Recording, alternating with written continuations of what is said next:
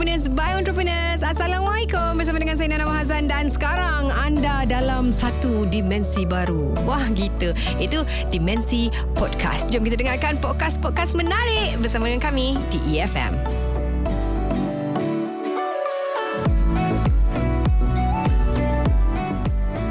Okey, untuk minggu baru, topik baru mungkin ramai yang uh, masih tak memahami macam saya juga apa itu bio usahawan. Okey uh, bio bermaksud kehidupan. Dan apabila digabungkan dengan usahawan maka jadilah bio usahawan yang mana usahawan-usahawan dari pelbagai jenis bidang termasuk industri agro bio sendiri dan uh, selainnya yang mencorakkan dan mewarnakan kehidupan orang ramai melalui produk dan juga perkhidmatan mereka. Dan sempena dengan acara bio usahawan 2019 yang uh, akan berlangsung pada minggu ini BMO akan membicarakan dan juga mengupas mengenai Bio Usahawan apa itu acara Bio Usahawan 2019 okay?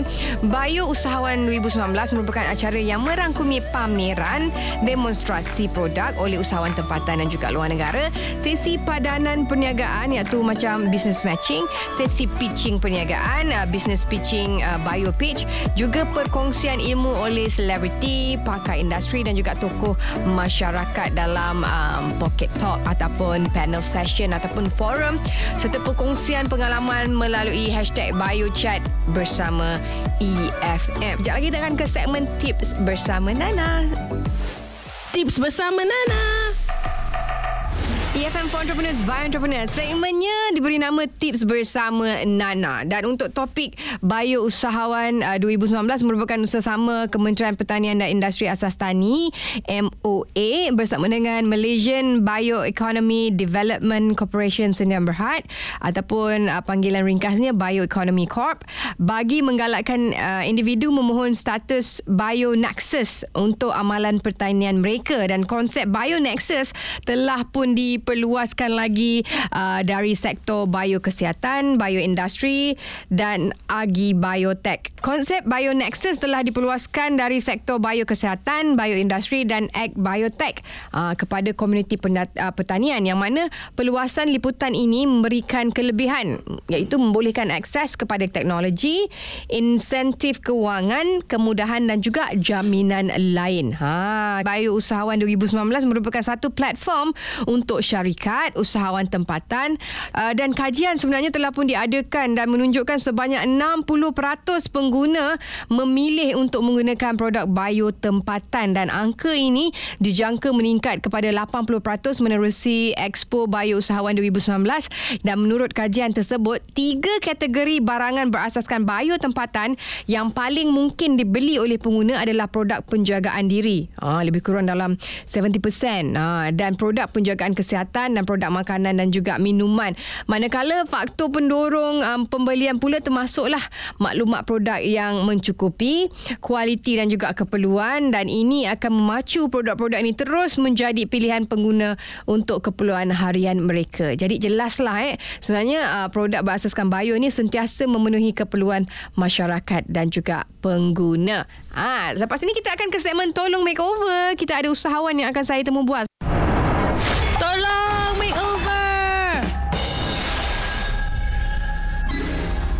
Seperti yang dijanjikan kita akan bersama dengan dua orang usahawan dari satu uh, syarikat yang sama. Saya nak ucapkan selamat datang kepada uh, Nur Firzana binti Suhana ataupun Layas Hussein dan juga uh, Encik Suhaini Misnan uh, daripada Ensu Life Science Sendirian Berhad. Apa khabar? Uh, baik, Alhamdulillah. Alhamdulillah sihat. Walaupun hmm. katanya ada sesama sikit.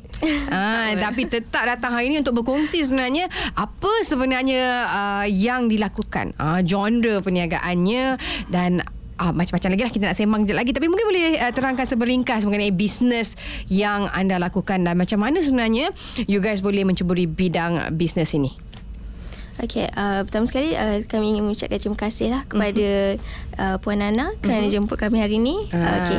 uh, kami daripada syarikat Ensul Asasi Sedang Berhad iaitu uh, merupakan penghilang uh, kosmetik dan juga minuman botanika uh-huh. yang uh, menjalankan perniagaan OEM kepada usahawan baru ataupun usahawan lama yang ingin memiliki produk jenama mereka sendiri. Uh-huh. Ha. Dah since uh, tahun bila ni sebenarnya? Uh, sebenarnya kita telah beroperasi selama lima tahun lah. Wow, hmm. lama juga juga kan. Dan kilang kita juga dah mempunyai GMP, mm. halal dan untuk botanical drink kita ada mesti mm-hmm. jugalah. That is very good. Dan bila kita tahu, uh, bila kita bercakap sepanjang minggu ni, kita bercakap mengenai bio usahawan. Dan uh, ramai sebenarnya pendengar-pendengar uh, EFM termasuk saya juga sebenarnya agak uh, bukanlah kata clueless, kurang faham apakah itu bio usahawan. Adakah hmm. dia sama macam usahawan-usahawan lain ataupun you guys ni macam special sikit? Ah, adakah bidang yang memang uh, sebagai pengilang untuk OEM ataupun mana-mana usahawan lain, uh, produk uh, kosmetik dan juga minuman batu ni botanical ini uh, merupakan uh, sejenis uh, bio produk yang berasaskan bio macam tu ke? Okey, uh, sebenarnya memang uh, uh, kita memfokuskan uh, hmm. apa ni aktiviti uh, pengilangan kita berasaskan pada sesuatu yang semula jadi alami, hmm. natural. Hmm. Okey.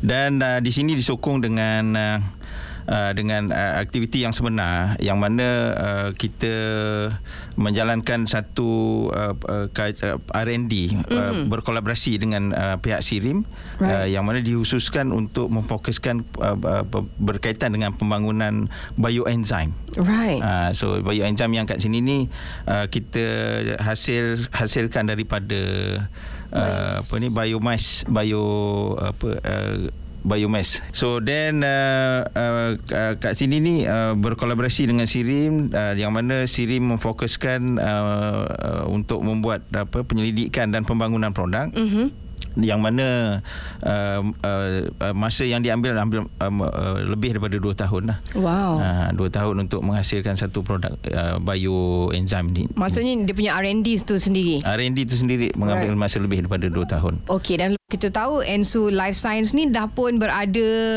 uh, telah pun beroperasi sejak 5 tahun yang lepas. Mesti ada beberapa strategi pemasaran yang dilakukan. Uh, sebagai uh, business owner ataupun seorang usahawan mesti uh, tahu kan pemasaran dengan bisnes ni dia macam adik-beradik. Uh, saling memerlukan. Dan sebagai seorang usahawan apa agaknya strategi pemasaran yang uh, dilakukan oleh um, Ensu Life Science sendiri daripada mula sampai sekarang? Adakah ianya berkesan strategi tersebut ataupun okay. tukar-tukar uh, strategi pemasaran yang kita gunakan sekarang ialah mm-hmm. melalui online lah sebab okay. kebanyakan kita punya uh, brand owners pun daripada online, online juga, juga mengenal kita ha uh-huh. so dalam masa yang sama kita uh, cuba juga macam menyertai uh, any booth mm-hmm. untuk kita memperkenalkan produk kita lebih dekat dengan orang ramai right uh, mm-hmm. dan jadi macam mana? Uh, daripada, maksudnya daripada awal uh, berniaga ataupun uh, meng, beroperasi menggunakan social media lah. Ah, ya betul social Aha. media dan juga uh, interaction daripada mm-hmm. kawan-kawan lah macam tu. Mm. Right, okay. Dan uh, so far macam ni berkesan? Ada ada planning kita kena tukar strategi pemasaran kita so untuk tahun 2019 saya ni? Saya rasa yang paling berkesan adalah uh, dengan menggunakan laman sosial lah. Mm-hmm. Ini sama ada Facebook ataupun uh, Instagram buat masa sekarang. Mm-hmm. Sebab kebanyakan uh, buyers kita adalah uh, remaja mm-hmm. dan remaja lebih tertarik kepada media wow. sosial. So mm-hmm. daripada situ uh, maybe orang lebih suka scroll mm-hmm. ataupun tak perlu baca panjang-panjang kan just mm-hmm. tengok description uh, macam tu lah yang lebih uh, dan ianya yes. juga berkesan for now so masih uh, sekarang ni kalau masih lagi berkesan kita masih lagi teruskan lah uh, strategi okay. tersebut EFM for Entrepreneurs by Entrepreneurs bercerita mengenai bio usahawan dan bio usahawan berada di dalam studio ini bersama dengan saya kita ada Puan Nur Firzana dan juga Encik Suhaini uh, daripada Ensu Life Science Sdn Berhad yang mana uh, uh, Nur Firzana merupakan CEO Ah, dan Cik Suhaini merupakan COO untuk Ensu Life Science Sdn Berhad ni. Dah lima tahun beroperasi kan. Kita tahu teknologi tu memang banyak membantu uh, bisnes-bisnes yang ada untuk dia berkembang. Dan bagaimana sebenarnya um, ianya dapat menyokong industri bioteknologi itu sendiri uh, dalam bidang yang you guys lakukan. Uh, Okey, uh, saya sangat setuju dengan statement Nana tadi yang Mm-mm. mana teknologi memang sangat membantu Mm-mm. untuk perkembangan bisnes dan ianya berkait rapat dengan latar belakang bagaimana tercetusnya idea eh. Mm-hmm. Untuk kita menghasilkan produk berasaskan bioenzim and Sutouch uh-huh. uh, yang mana ia terdiri daripada produk serum, sleeping mask dan juga pencuci muka. Eh. Uh-huh. So kombinasi uh, bioenzim ini boleh mempercepatkan penghasilan sel-sel kulit yang baru. Uh-huh. Yang mana uh, uh, result daripada penggunaan produk-produk berasaskan bioenzim uh, Ensutouch ni uh, dia boleh uh, uh, merawat uh, kedutan mm-hmm. mempergat perbaiki ke, keanjalan kulit mm-hmm. uh, kulit kusam dan jeragat dan jika digunakan secara berterusan untuk jangka masa panjang lah insyaAllah mm-hmm. Yang mana kat sini ni eh, bioenzyme yang yang merupakan komponen utama dalam uh, produk uh, uh, kosmetik ini uh-huh. uh, mem, mem, menjadi katalis ataupun pemangkin uh-huh. uh, untuk proses baik pulih kulit itu secara semula jadi. Right. Uh, itu kelebihan uh, sebenarnya bioenzyme. Oh. Uh, Oh jadi ianya berkait rapat jugalah dengan the teknologi untuk memastikan Ya. uh, R&D yang dilakukan teknologi yang ada untuk memastikan bioenzyme yang di, dikeluarkan ni dan dimasukkan dalam produk ni ada adalah yang di kualitinya di di orang kata di paras maksimum lah Ya. untuk memastikan produk yang dihasilkan tu bagus lah. Uh, so jadi sesuai dengan falsafah yang kami pegang selama mm-hmm. ini yang ini kita hanya menghasilkan produk yang selamat Mm. untuk pengguna-pengguna di luar sana. Very good. So jadi makna teknologi membantu kita untuk kembali kepada sesuatu yang alami yang natural Mhm, mm-hmm, mm-hmm. untuk diguna pakai sebagai contoh kat sini ni produk yang kami keluarkan dengan jenama Ensutouch yang menggunakan uh, bioenzyme sebagai uh, produk asasnya Mhm. mm-hmm. uh, uh, di, di, menjalani proses uji kaji dan kajian yang sangat teliti oleh mm-hmm. pihak Sirim sendiri Okey. Okey dan uh, uh, yang mana kat sini ni uh, menggunakan teknologi uh, terkini mm-hmm. untuk membuat ujian Yep. di apa uh, contoh-contoh kulit dan sebagainya. Mm-hmm. Dan kita tidak menggunakan uh, binatang untuk sebagai apa ni bahan ujian eh mm-hmm. sepanjang proses R&D yang dijalankan. Dan uh, apa ni uh, secara tak langsung juga sebenarnya bila kita melibatkan uh, bioenzyme yang mana kat sini ni kita menggunakan bahan asas yang daripada uh, buah nenas. Mm-hmm. Daripada nenas so untuk kita extract enzim itu. Mm-hmm. So jadi kat sini secara tak langsung teknologi juga membantu mm. uh, industri nenas Wow, uh, secara ya. terus. Uh, pihak Siri menggunakan green technology. Mm. Uh, so green technology tu dia merupakan macam teknologi yang tidak menggunakan bahan pengawet mm. dalam enzim tu sendiri. Wow, Ah. that is very interesting. Saya tak tahu pun sebenarnya uh, benda Yeah. ni uh, wujud. I mean that green green technology tu kan. Yeah. Wow. Um, apa agaknya cabaran uh, sepanjang menghadapi dan juga menjayakan bisnes ini? Ha. Ah, Banyak tak cabarannya? Susah tak? Ada tak pernah duduk nangis kat bucu katil? Ah gitu. Okey, bercerita pasal cabaran sebenarnya hmm. cabaran kita bukan terhad kepada lima tahun pengalaman uh, mengendalikan syarikat sendiri hmm. Nana eh. Hmm. Sebenarnya kami dah terdedah dengan industri produk uh, dan penghilangan ini lebih daripada 18 tahun. Wow. Uh, cuma sebelum ni uh, kita Nama lain lah. partnership. Oh, partnership. Partnership. Okey. Then uh, uh, apa alhamdulillah makna kami berpisah dengan alasan yang baik lah. Okey. Uh, so jadi masing-masing membuat haluan mm-hmm. untuk kita fokus kepada hala tuju masing-masing. Okey. So jadi makna kita kumpulkan pengalaman lebih daripada 18 tahun dalam Wow. industri ini mm-hmm. uh, selepas melalui je, perit jerih dia menangis di bucu semua mu- adalah satu yang harus dilalui oleh semua usahawan saya percaya. Mm-mm. Dan daripada satu kita collect kekuatan untuk berada mm-hmm. pada tahap ini sekarang ni alhamdulillah. Mm-hmm. So yang mana kita dah ada dua kemudahan kilang. Yang pertama kilang untuk membang, apa mengeluarkan produk minuman botanik dan mm-hmm. juga satu lagi uh, kilang untuk kosmetik. Mm-hmm. Dan disokong lagi oleh kemudahan-kemudahan lain seperti kita ada dua warehouse mm-hmm. dan uh, uh, uh, dua unit makmal untuk kita buat uh, uji kaji dalaman mm-hmm. alhamdulillah. Okey, apa tu agaknya cabaran tu cabarannya? Apa cabaran yang kita kalau lah yang mendengar ni kan kata macam nak start berniaga macam oh macam gini sebenarnya. Okay. Jadi dia boleh bersedia oh cabarannya begini. Ha. Okey cabaran uh, berkat, bercakap dengan cabaran semasa eh. So mm-hmm. jadi saya rasa kita kalau cerita pasal sejarah ni takut kita menitikkan air mata. Alah. Uh, jadi, jadi kita cerita pasal cabaran semasa. Mm-hmm. So jadi untuk kita meneruskan kesinambungan mm-hmm. penghasilan produk-produk bagus ni makna kita perlukan modal yang besar. Hmm. Uh, modal yang besar yang mana kat sini ni Uh, modal tu akan diguna pakai untuk kita membuat R&D produk-produk baru mm-hmm. dan juga meneruskan uh, kesinambungan penambahbaikan produk-produk yang sedia ada. Mm-hmm. So itu adalah cabaran sebagai usahawan buat masa ni lah. Mm-hmm, yang terbesar Ah, lah. Yang terbesar. Mhm. Ya. Uh, modal tu sendiri. Modal tu sendiri untuk Alright. ma- pengetahuan apa ni uh, Nana apa ni uh, sebenarnya kos yang diperlukan untuk kita lengkapkan R&D uh, selama lebih 2 tahun itu pun mm. saya rasa dah melebihi RM200,000 Wow. untuk R&D saja. Ya. Belum masuk perniagaan lagi. Belum masuk beli kilang, beli mesin, beli Belum. segala. Wow. Uh, untuk R&D saja. Uh, kos R&D. Wow. Uh, so alhamdulillah mana hasil daripada R&D tersebut uh, kita berjaya uh, menghasilkan satu formulasi mm-hmm. dan produk yang meyakinkan mm-hmm. dan selamat untuk diguna pakai. Itu yang penting juga. Uh, itu kan? yang penting. Mm-hmm. Alhamdulillah. Okey, kalau lah kata diberikan peluang macam tadi Encik um, Suhaini ada kongsi mengenai antara cabaran uh, semasa adalah modal. Sebab nak buat R&D tu memang makan uh, modal yang banyak. Ha, kalau diberikan bantuan makeover yang diperlukan, apa agaknya dari segi uh, uh, bantuan yang diperlukan?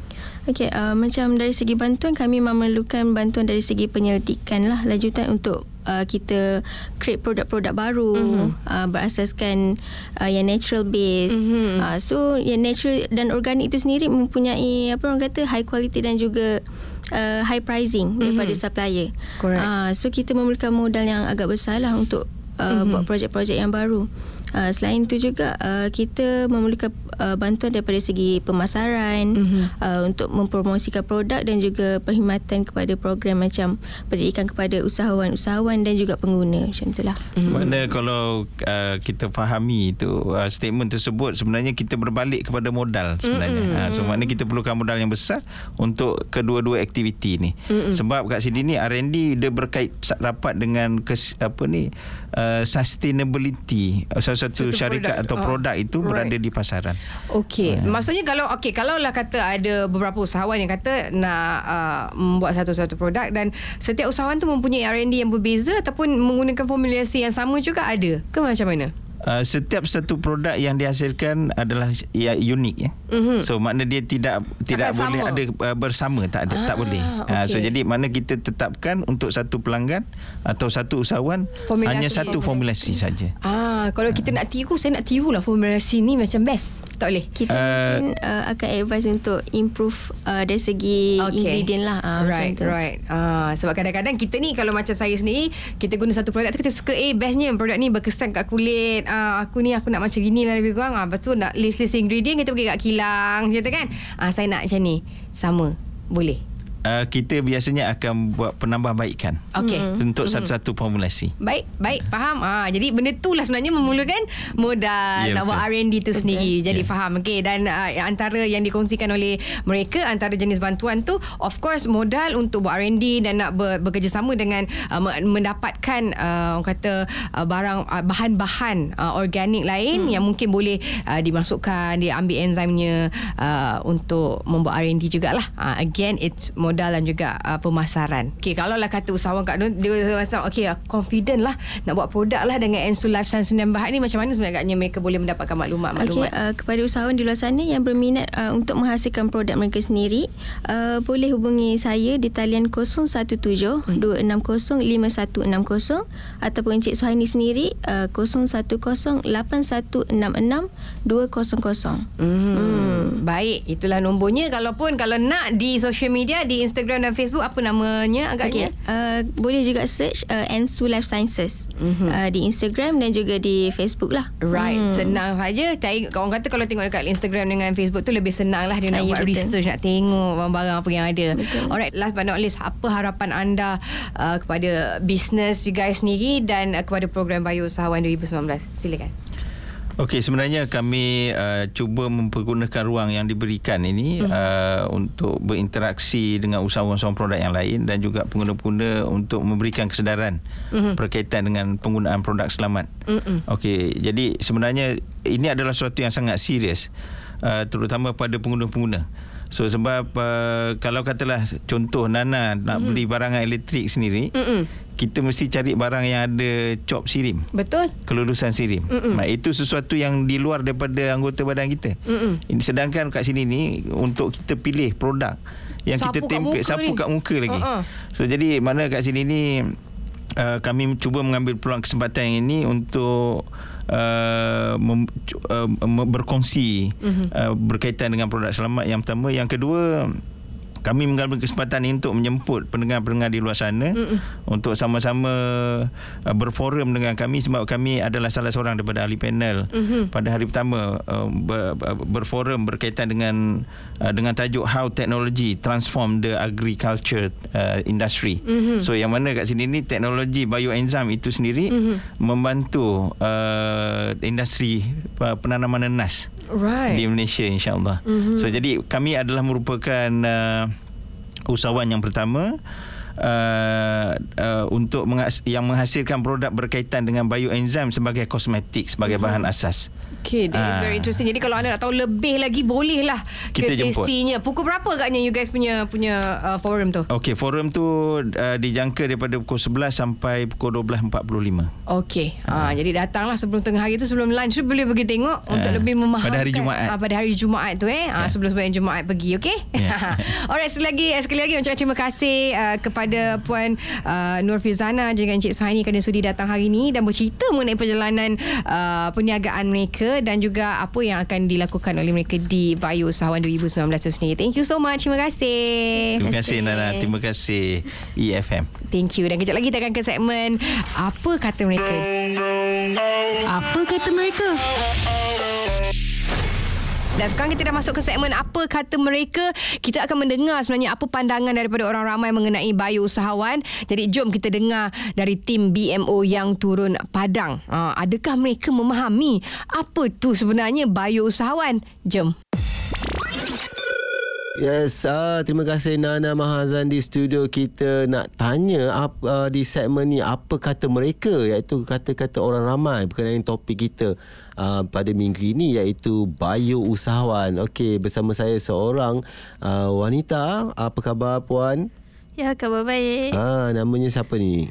Uh, saya Hazwani. Okey, Azwani nak tanya Azwani ni pernah dengar tak perkataan bio usahawan? Ya, mestilah pernah dengar. Okey, apa yang Wani faham berkenaan dengan bio usahawan ni? Uh, bio usahawan. Mm-hmm. Saya adalah salah seorang mm-hmm. um, usahawan, uh, bio usahawan. Hmm, kenapa? Apa yang awak buat? Bisnes apa awak buat ni? Uh, saya adalah home dealer produk mm-hmm. Farm Fresh. Yang mana kita tahu Farm Fresh adalah uh, produk susu segar mm-hmm. yang kita memang um, 100% daripada uh, haiwan daripada Hmm, lembu. Yes, jadi maksudnya Wani adalah sebenarnya bio usahawan. Ya, betul. Yes, tahniah kepada Wani. Alright, terima kasih Wani. Ah, namanya siapa ni?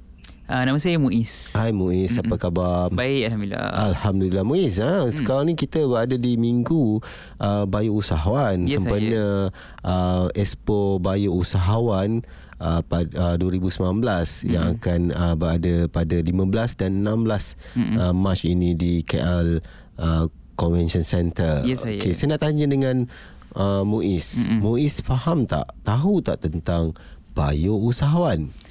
Kalau dari segi nama on bio usahawan tu sendiri, uh, basically kita boleh uh, tafsirkan kepada dua lah. Basically, mm-hmm. dari segi bio adalah dari segi life. Maksudnya mm-hmm. dunia uh, apa yang kita lalui sini adalah berkaitan dengan bio. Hmm, Dengan kehidupan lah. kehidupan lah. basically.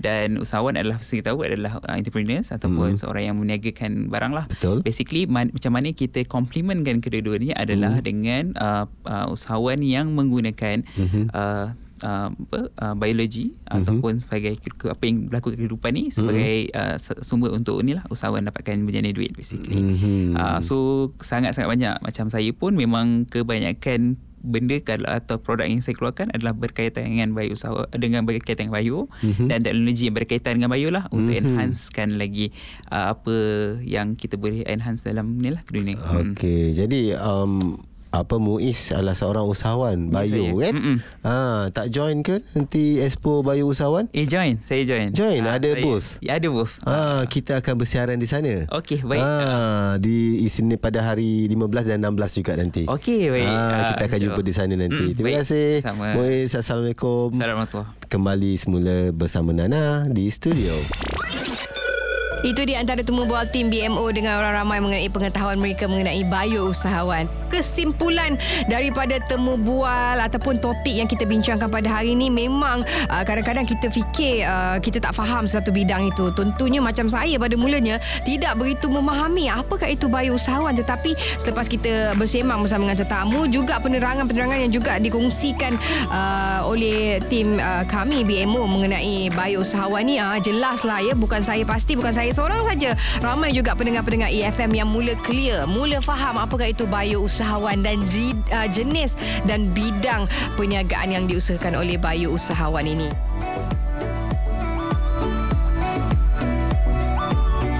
Itu dia antara yang menarik yang dapat kami sajikan untuk podcast kali ini. Pastikan anda terus scroll untuk dengarkan podcast-podcast yang lain. Tentunya menarik hanya di EFM for Entrepreneurs by Entrepreneurs.